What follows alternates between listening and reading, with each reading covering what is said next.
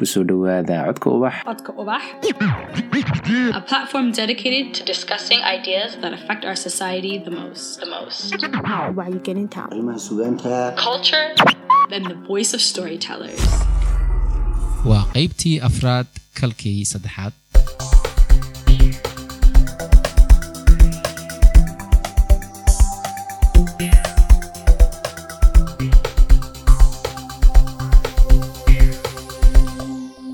maanta waxaynu ka hadlaynaa saxaafadda iyo doorka ay ku leedahay horumarinta iyo dhismaha bulsho iyo waxyaabaha iyada lafteeda curyaamin kara wixii ay tar lahaydna meesha ka saari kara.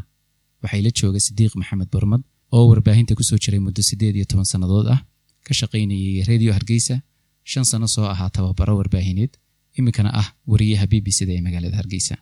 Sidiiq saxaafaddu horta waa maxay? Waa muraayadda dadku iska daawado.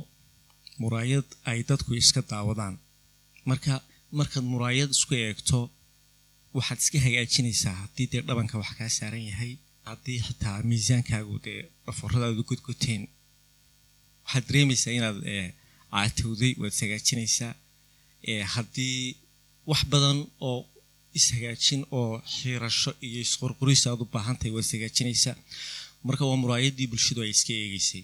Nolosha dhinaca walbana way gelaysaa waxaynu leenahay ururo badan iyo hay'ado badan baynu leenahay.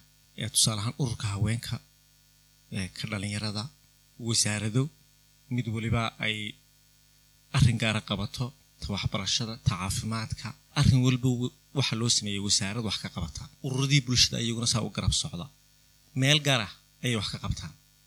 Saxaafaddu intaba waxbay ka qabataa. Waa midda xilkaas oo dhan wax kasta oo jiraba mas'uuliyaddeedu way gaadhaysaan wax kasta oo jira hadday carruur noqoto way ka hadlaysaa. Hadday dhaqaalo noqoto way ka hadlaysaa. Hadday dhalinyaro noqoto way ka hadlaysaa. Hadday haween noqoto way ka hadlaysaa.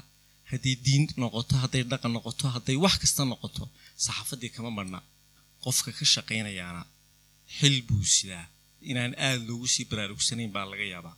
Haddaan si kuu dareensiiyo imaka haddaad tidhaahdo adiga oo halkan bulsho kula sheekaysanaya heestaa hebel baa lahaa. Waxaa suurtagalabaa dee in lagugula doodo. May hebel baa lahaa may hebel. Waayo qof uunbaa tahay. Laakiin haddaad idaacad ka shaqayso adigoo hebelkiiyo hadhow haddanaad ka soo hadasho aad tidhaahdo heestii hebel hebel uu lahaa. Haddii hebel ma tiid marka waa lagu aaminayaa marka farqiga kuu dhexeeya markaad dadkan dhex joogtay iyo markaad idaacadda ka soo hadlaysay waxa weeyaan markan wariyanimadii ayaa ah wax aanu xil u dirannay ah inaanu runta ka sugayno. Qofka wariyaha ah waxaa laga sugayaa arrin kasta oo uu sheegayo inuu yahay xaqiiqadii dhabta ahayd ee arrinkaa uu ka hadlaya salka ay ku haysay ee aanay hadaltiro ahayn ee aanay wacaal ahayn ee aanay ku tiri kuteen ahayn ee aanay loo soo dhiibtay ahayn lagama malaysanayo. Ummadoo dhan bay u shaqeeyaan.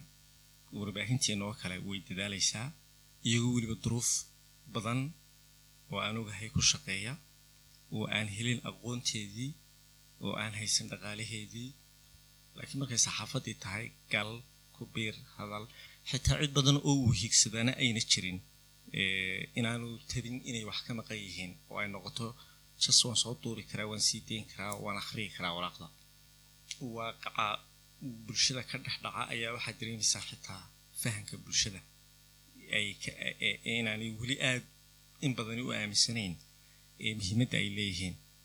Tusaale ahaan xitaa maalmo waxaa dhacday meelo dan yaroo gubtay oo wariyaal ay tageen oo la soo shiiday. Waa la leyn gaadhay xitaa waayo waxay la yaaban yihiin maxay idinka soo dooneen? Waxaan wax duubaya.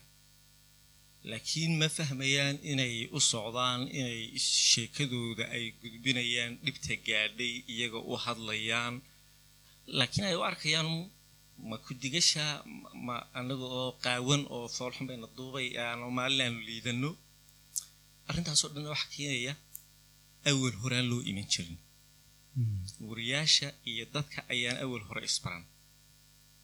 Maybe maalinta dabka inay un la tegay laakiin aanay aaminaadii ahayd inay iyaga u shaqeeyaan ay meeshii ay ka maqan tahay. Qof baad arrintiisay soranaysaa ka warayso maxaad iiga weydiinaysaa anuma siyaasi baan ahay muddo dee dhowr iyo soddon sannadood dadda qof siyaasiyin baa la wareysanaya oo aynu garanaynaa tifiyadeenna idaacadeenna inta ka baxaysa xitaa waa la tiro koobi karaaba xataa magacyadooda aan rabin inaan sheegay hebel hiyo hebel iyo hebel iyo waaba la sheegi karaaba inta qof ee soo taagnayd muraayadda muddada intaa leeg oo dhan adiga iminka family baad leedahay iska ismaaciil ahaan familigaas oo leh hooyooyin habaryarooyin edooyin adeero. Dadkaa rayidka ah.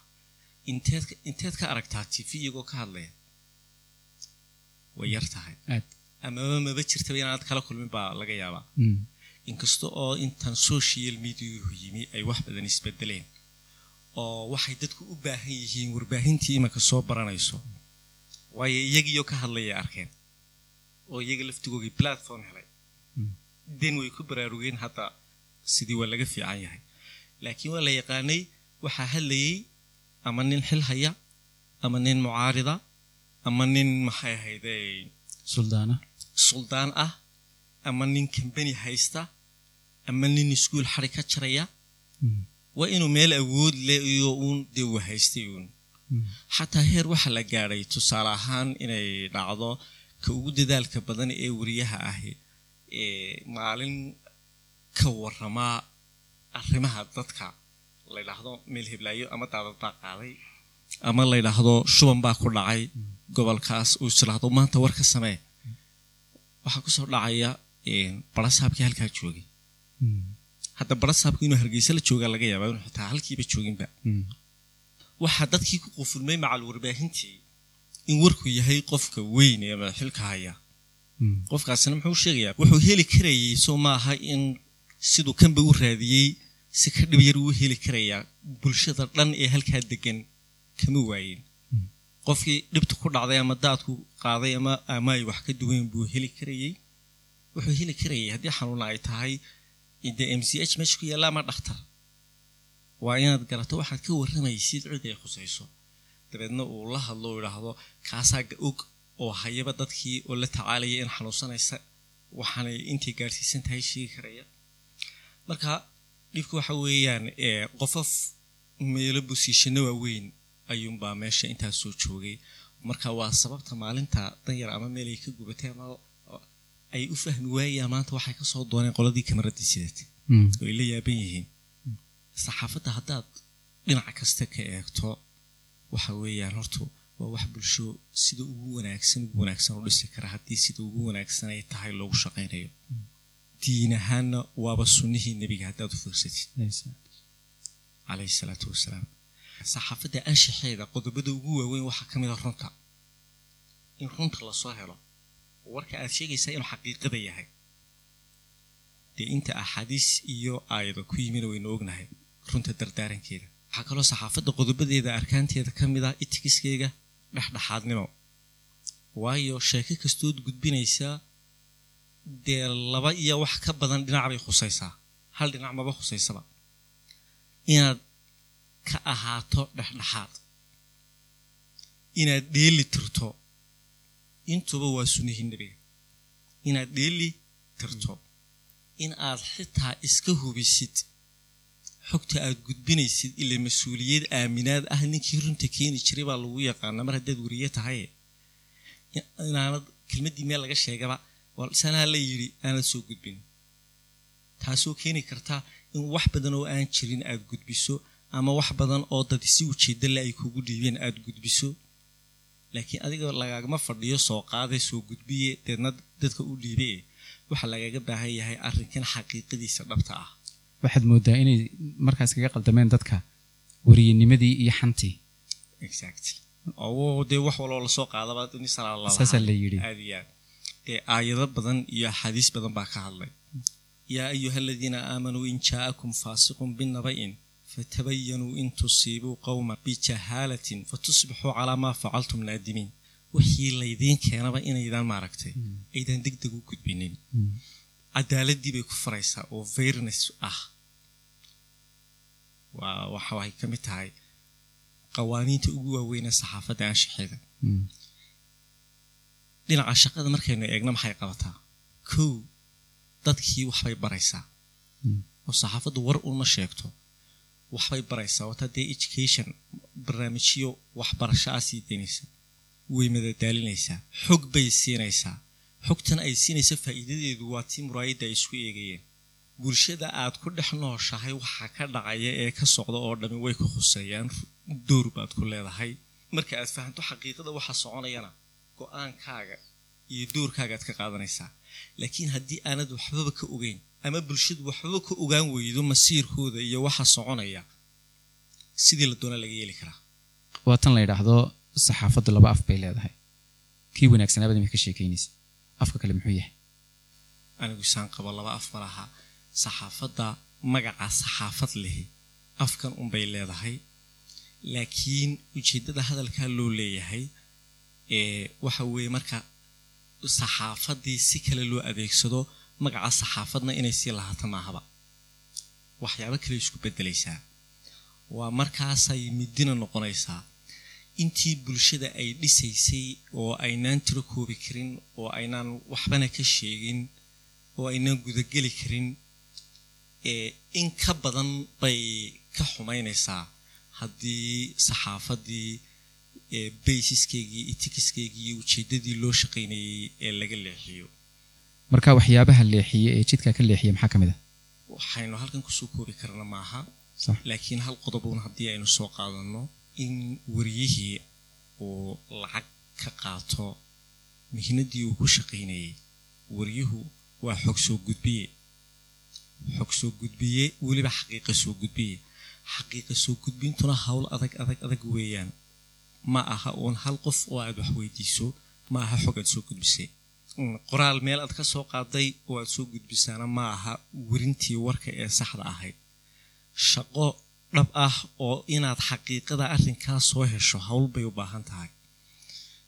Hawsha intaa leegna qofku ma qaban karo haddii uu lacag qaato marka waxyaabaha ee araxda ka jebiya hawshii qofka wariyaha ahi uu bulshada u hayay kuwa ugu daran bay ka mid noqonaysaa in uu dadkii uu xogtu ay la xidhiidhay ee uu waraysiyada ka qaadayey ay lacag siiyaan. Waayo isagii baaban xorba ahaynba. Isagii ayaanba xor ahaynba. Sidee buu bulshada dhaawac ugu geysanaya? Kow tusaalaan kuu soo qaadaya waxyaabihii hawshii ay haysay saxaafaddu maxaa ka mid ahaa isla xisaabtankii oo haddii ay noqoto cidaha awoodaha leh ama ha noqoto xisbiyo ama ha noqoto xukuumad iyo hay'adaheeda iyo wasaaradaheeda ama ha noqoto shirkado.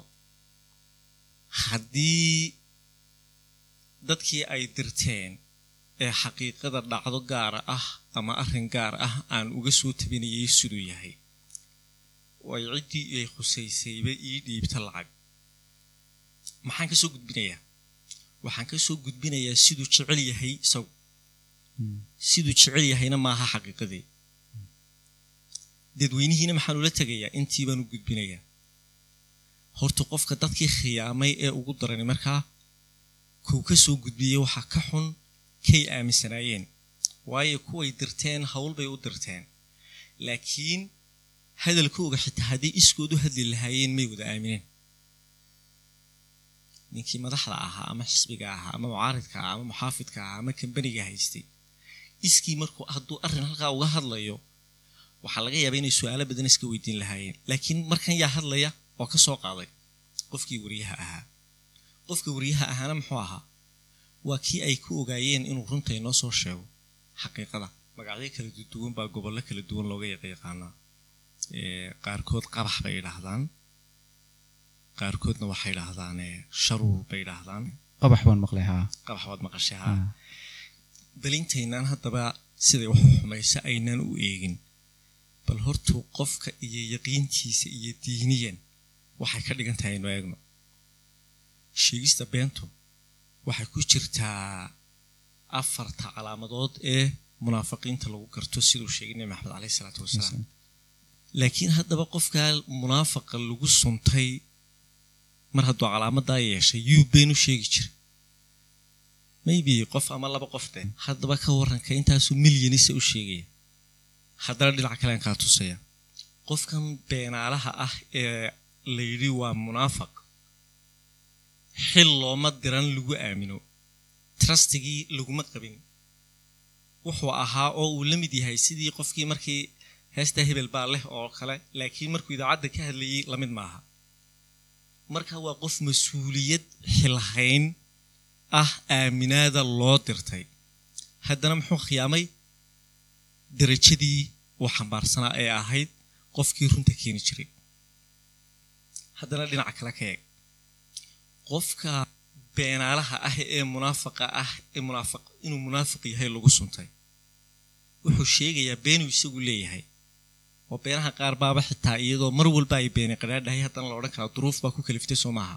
Ama arrin buu iskaga mufurdaaminayay waa beenaala uune laakiin bal ka waran ka beentan xitaa isagoo aan lahayn ee u soo gudbinaya nin kale oo ummadda khiyaamay ama wax ka xumeeyey uu u soo dhibtay ee uu ku yidhi adaa aaminaad lagugu qabayey ii gaadhsii dadkii. Aday ku rumaysanayaan xitaa bahaluu leeyahy maaha bahashan uu ku akhri seegaya haddana maxaa sii dheer inuu haddana laaluush ku soo qaatay ama qabax ha loo bixiyo ama sharuur ha loo bixiyo laaluushkuna halkuu kaga jiray ka bixiya ka qaata iyo ka u kala qaadaba maxaa laga yidhi dee xadiis baa ka warramayay haddana waxaynaan malayn karin oo barnaamijkan aynaan ku soo koobi karin markuu tabiyo cawaaqibka ka imanaya waayo waxaa laga yaabaa qofkan inuu qof dulmayaba yah qofkan aad ka soo duubtay ee inta yar kuu dhiibay eed u baahisay eed bulshadii u gaadhsiisay inuu qof dulmayo ama bulsho dhan dulmayo uu deedifaynayo xaqoogii. Haddana waxaynaan sii malayn karin dhacdo wal oo dee war ah wartabineed ama niyuus ahay xaaladay khusaysaaye in qaar dhibaatooyin ka weyn lagu qarinayay ama dhibaatooyin ka weyn lagu abuurayay aada u hirgelisay qofkaas oo iminka aynaan halkan dee ku sii faahfaahin karin oo mid waliba sheekada markaa la tabinaya ay la xidhiidho. Waxyaabaha sababaya markaa qofkii wariyaha inuu waxa sidaa u eeg uu haddana ku shaqeeyo ismaaciilow. Waxyaabo badan baa sababaya oo ay ka mid tahay dee hortuu shaqadan warbaahinta oo inaga cusubba. Iyo dhallinyarada maanta farabadatay ee wariyayaasha ah oo aan muhiimadda shaqada ay hayaan qofku goormuu fahmaa? Markuu hortuu dee aqoon ahaanna u soo barto ama shaqada ku barto? Maanta labadii midna ma hayno oo institutionno lagu soo bartana ma hayno. Institutionno laga shaqaynayo oo si professional loola shaqaynayo oo ay ku dhex baran karaan mas'uuliyaddii na ma jiraan. Cid ay hirinayay ku hirinayaan oo ay ku dayanayaanna maanta ma jirto. Waa layswada leegyahay saasaa laysugu siman yahay oo sida laysku leegyahayna waa waad geli kartaa waad hadli kartaa warqadaad akhriyi kartaa dhallinyaro badanoo dadaalaysaa way jiraan run ahaan. Laakiin markaynu ka hadlayno celcelis ahaan sida loo badan yahay waa sidaasi. Waxaa kaloo iyana jirtay in wariyihii aanu dhaqaale haysanin. Ciddii uu shaqaynayeyba ayna wax ku filan siinaynin. Oo uu weliba dee qaabka bay-adda lagaga shaqeeyaa ay iskaga tahayba. Okay inay saxsan tahay inuu ka soo qaatoba intermedia inuu ka soo qaato wixiisa meeluu wax ka duubayaba. Taasoo iyaduna dhibta halkay ka imanaysa ay tahay xarumaha warbaahinta ah oo u dhiganba qaab ganacsiba. Oo intooda ugu badanna ay ganacsata furatayba. Qof professional journalist ah oo ujeeddadan mabda' ba halkan u furtay iyo inuu change ku sameeyo in wax ku saxo ayna jirinba.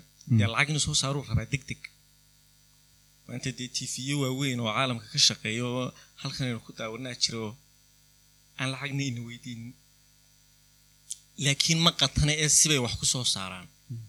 Iskilkaasaa isna maqan. Oo markaa iskilka keliyana hayna waa maxay? Waa yoomla dirir duub maanta ii dhiib maanta keen maanta waa intaas.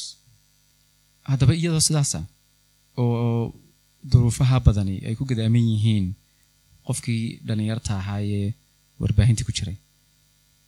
Aanu helinna mushaharka aynu sheegayno aanu ku tiirsanay institution ay ujeeddadiisu tahay inuu horumariyo saxaafaddii ee inta badan ay tahay ganacsi. Miyaanay haddana karbaash labaad ku ahayn in la idhaahdo yaanay waxba ka qaadanin dadkii. Xaggee buu wax ka keenayaa haddii aanu sidan u shaqaynin qofka waryahay? Horta horta in wax la qaataa ma haboona hadday xitaa saas tahay qofku waa inuu nolol kale raadsado le-anna inaad wax ku qaadato inaad dhaawac u geysato bulshadaada. Inaad been u sheegtid inaad khiyaantid inaad u hoosaasisid khiyaamooyin kale oo waaweyn oo la wado. Oo cido la aaminay oo la dirtay ay wadaan. Shirkada wadaan dowladda wadaan hay'ada wadaan siyaasiyiin wadaan. Lacag in lagu helo duruufba ay haysa horta qiil ma noqonayso marnaba laakiin ta meesha taale waxa weeyaan in fahamka waxa inaga maqan la soo fahmo waxay tari kari lahaayeen la fahmo hadday si hore u shaqaynayaan. Wariyaashu ay fahmaan waxa ka maqan. Wariyuhu uu fahmo inaanu duuba uuna ahayn ee uu yahay xilka uu hayo uu si rasmiya u dareemo. Leanna xilka uu hayaa ma aha inuu t v ka soo baxo bas uu xitaa ninkii uu wareysanayay uu ka hadal bato oo isagu meesha iska dhex daydaya inuu ka dhex muuqmuuqdo nuxurku intaas ma aha.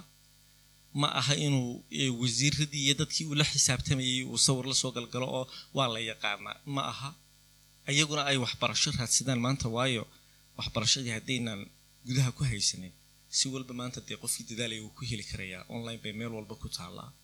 Ee marka horta qiil ma noqonayso laakiin waxa weeye dee wadooyinkii lagaga baxayaba intaba taalla oo ah haddii ay wariyihii tahay in skilkiisii uu isdhiso la dhiso institutionka dee qofka furtay lacag uu baahan yahay laakiin lacagtan uu helo tuka badan siduu ku heli lahaabaa sidan ah inuu run sheego. Muddo u samro dhiso meesha aaminaadeeda indhaha dadka soo jeediyo competition la galo tviyada kale xataa hal t v haddii uu outstanding noqon lahaa. Wax kaloo la daawan lahaa ma jirin taasi waxay keeni lahayd in tviyada kalena ay ku dayan lahaayeen oo ay tartan geli lahaayeen. Maanta laakiin maxaa lagu tartamayaa dee? Hadda imanka waxa weeyaan yaa loo shaqeeyaa warbaahinteenu yaa u shaqeysaa. Marka ka hadlayno wariyaashu meelahay ugu badan ay joogaan mataqaanaa wariyaasha inta ugu badan waxaa laga helaa hudheelada waaweyn soo maha iyo goobaha shirarka jireed lagu qabto. Xaafadaha danyarta ah intay tagaan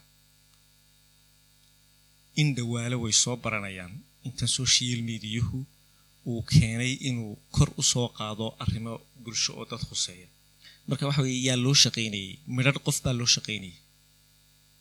Yaana ku dhegaysta haddaba bal haddaad weriye tahay cidda ku dhegaysata waa ayo. Waa dad aanad weligaa booqan oo arrinkooga aanad waxba ka weydiinin. Haddaba arrimaha ugu badanna waxay ku jiraan dadka shakhsiyaadka guryaha bulshooyinka meel wada degan hal qof baa boqol sheeka khuseysa hal qof.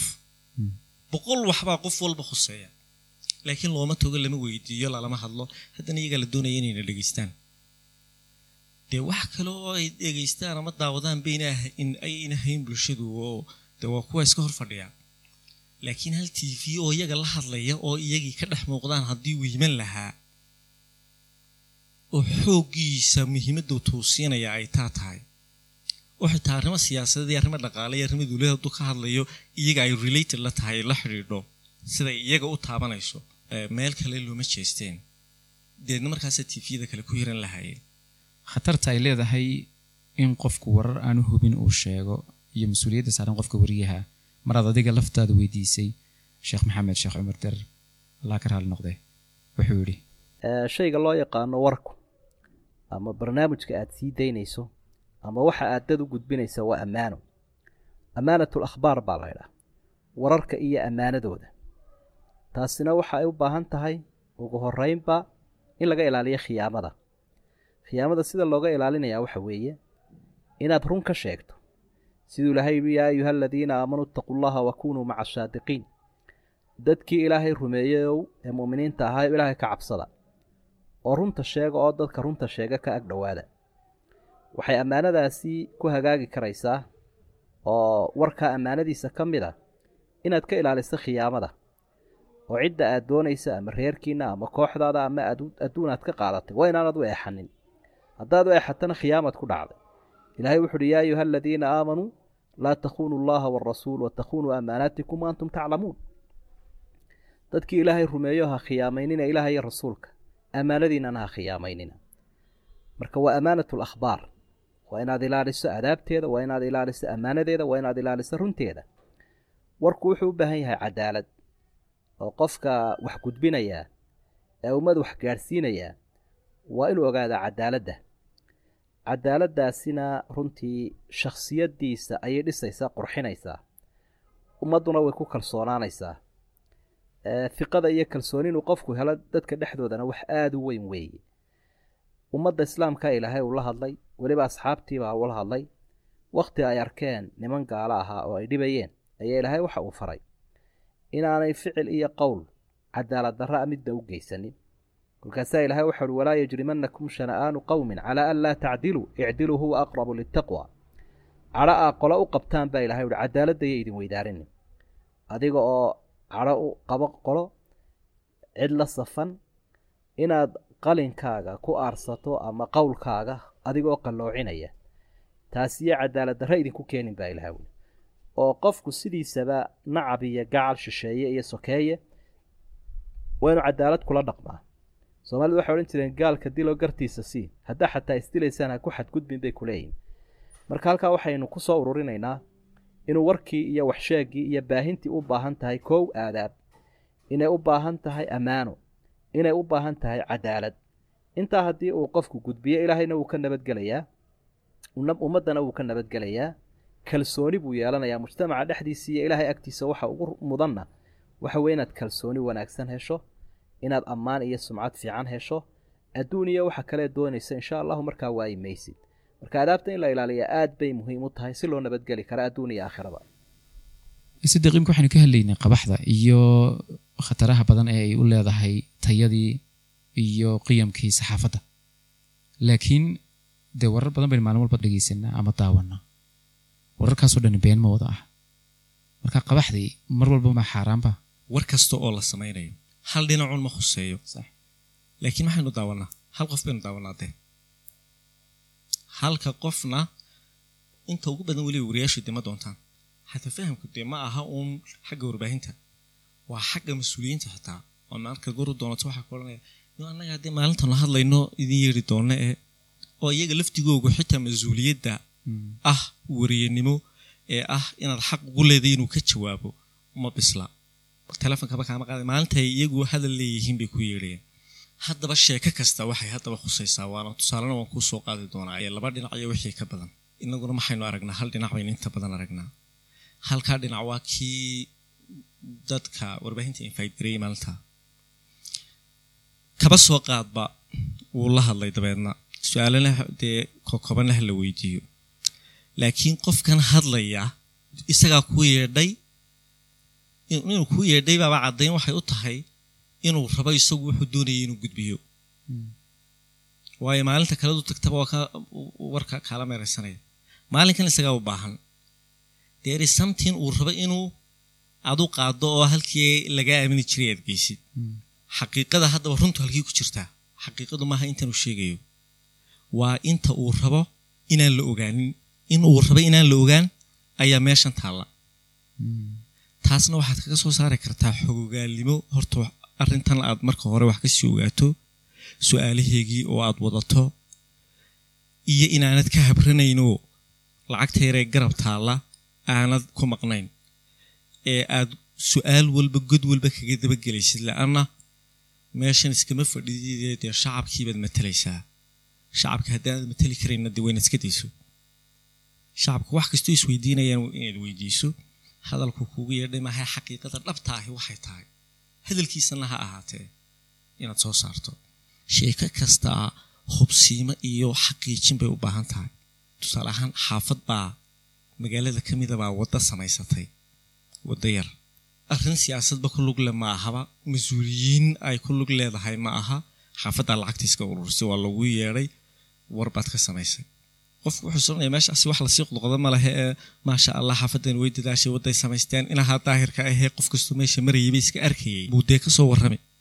Laakiin waxaa laga yaabaa in warkii muhiimkiisii aanad baadhin waxaa laga yaabaa in dee xaafaddu guddi ay u diratay in dumar danyar ah boqol boqol dollar lagu ururiyey.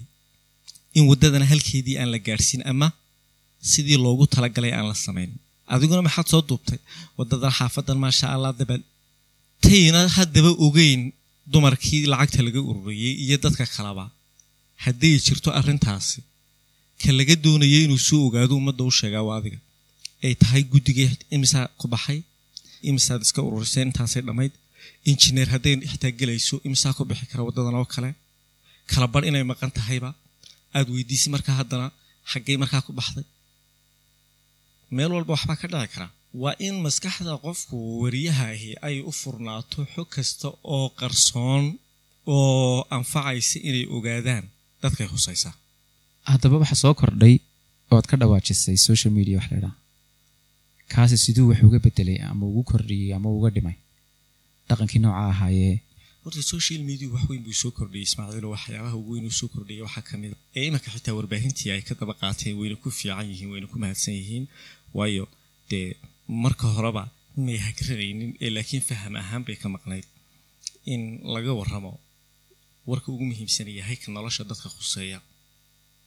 Ama dowlad ha galo ama xisbiya ha galo ama toos iyaga ha ugu koobnaado laakiin waxaa dadka khuseeya inuu waxyaabaha ugu muhiimsan ay yihiin muddo dheer lagama warrami jirin. Haddii laga warramana aad bay aad bay u yarayd.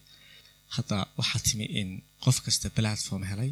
Hal qof waxaad arkaysaa boosti uu soo dhigay uu xitaa oon weriye ahayn uu nolosha cid kale wax ka bedelo oo ummaddii dabeedna hal deedna hal qof ummaddii maalintaa wada hadal hayso arrinka uu soo dhigay cid kale kaga hadlayo. Deedna maxay muujinaysaa inay xiise leedahay muhiimna tahay in cid nolosheeda gaarka ah dhib haysata ama xaalad dee ummadda lala wadaago. Waxbaa loo taraya waa la difaacaya waa loo hiilinaya waa loo qaadhaamaya waayo dadkiibaa helay meelay iyagu arrinkoogii ku soo bandhigaan.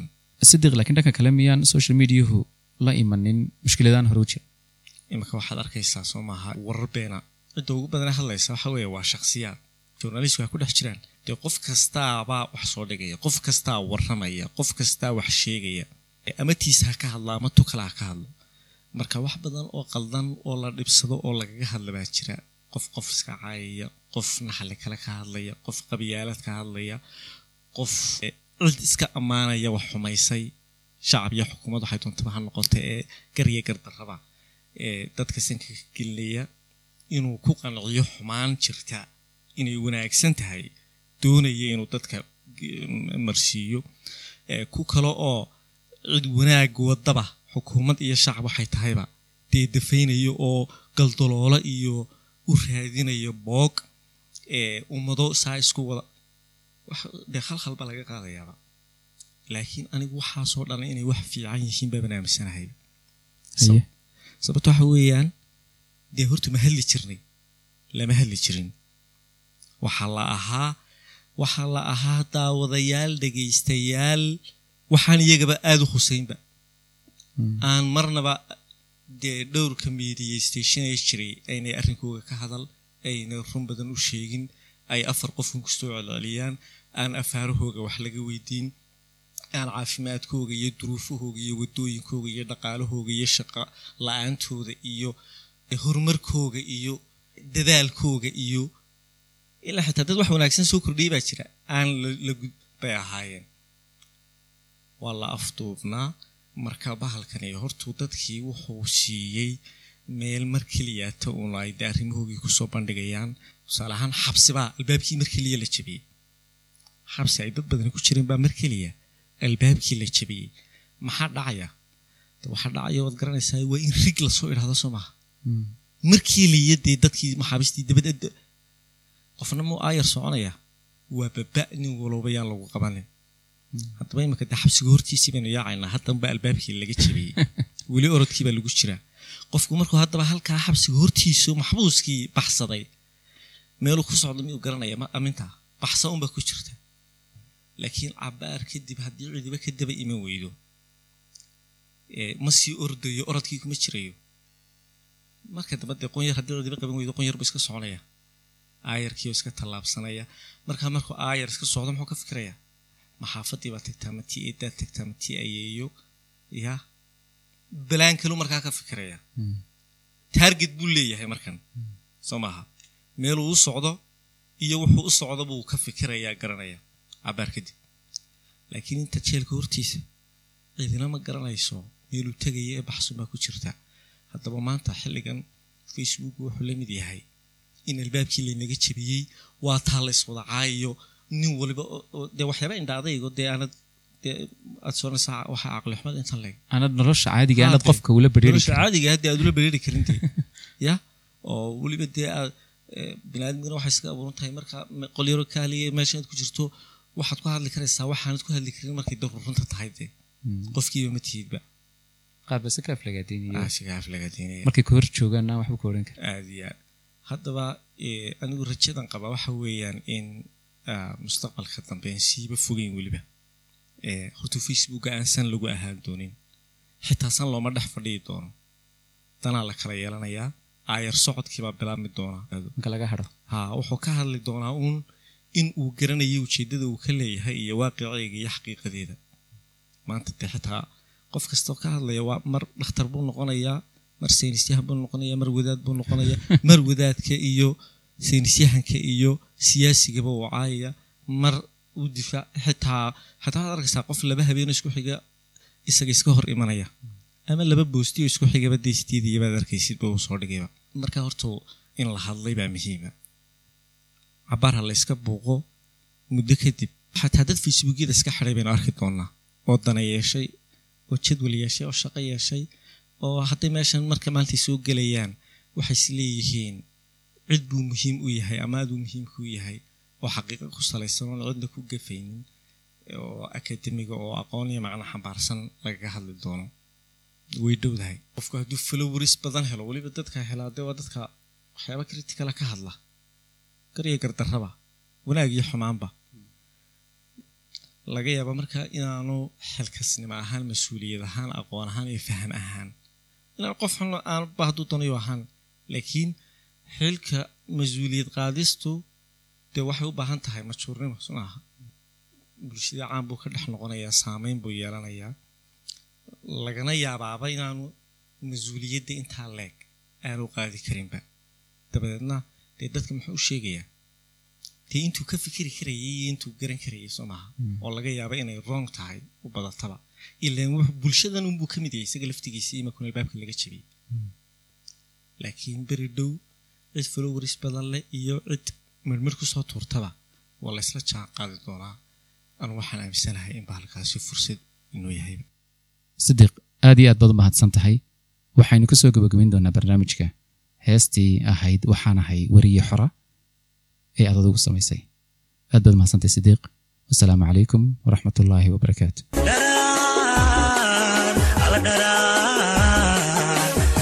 xirfadaydama xoliyo dheef kuma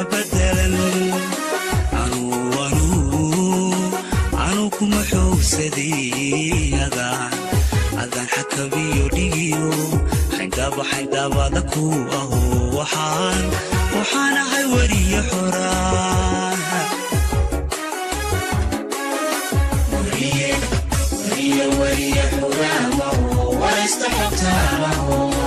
weriye xoraan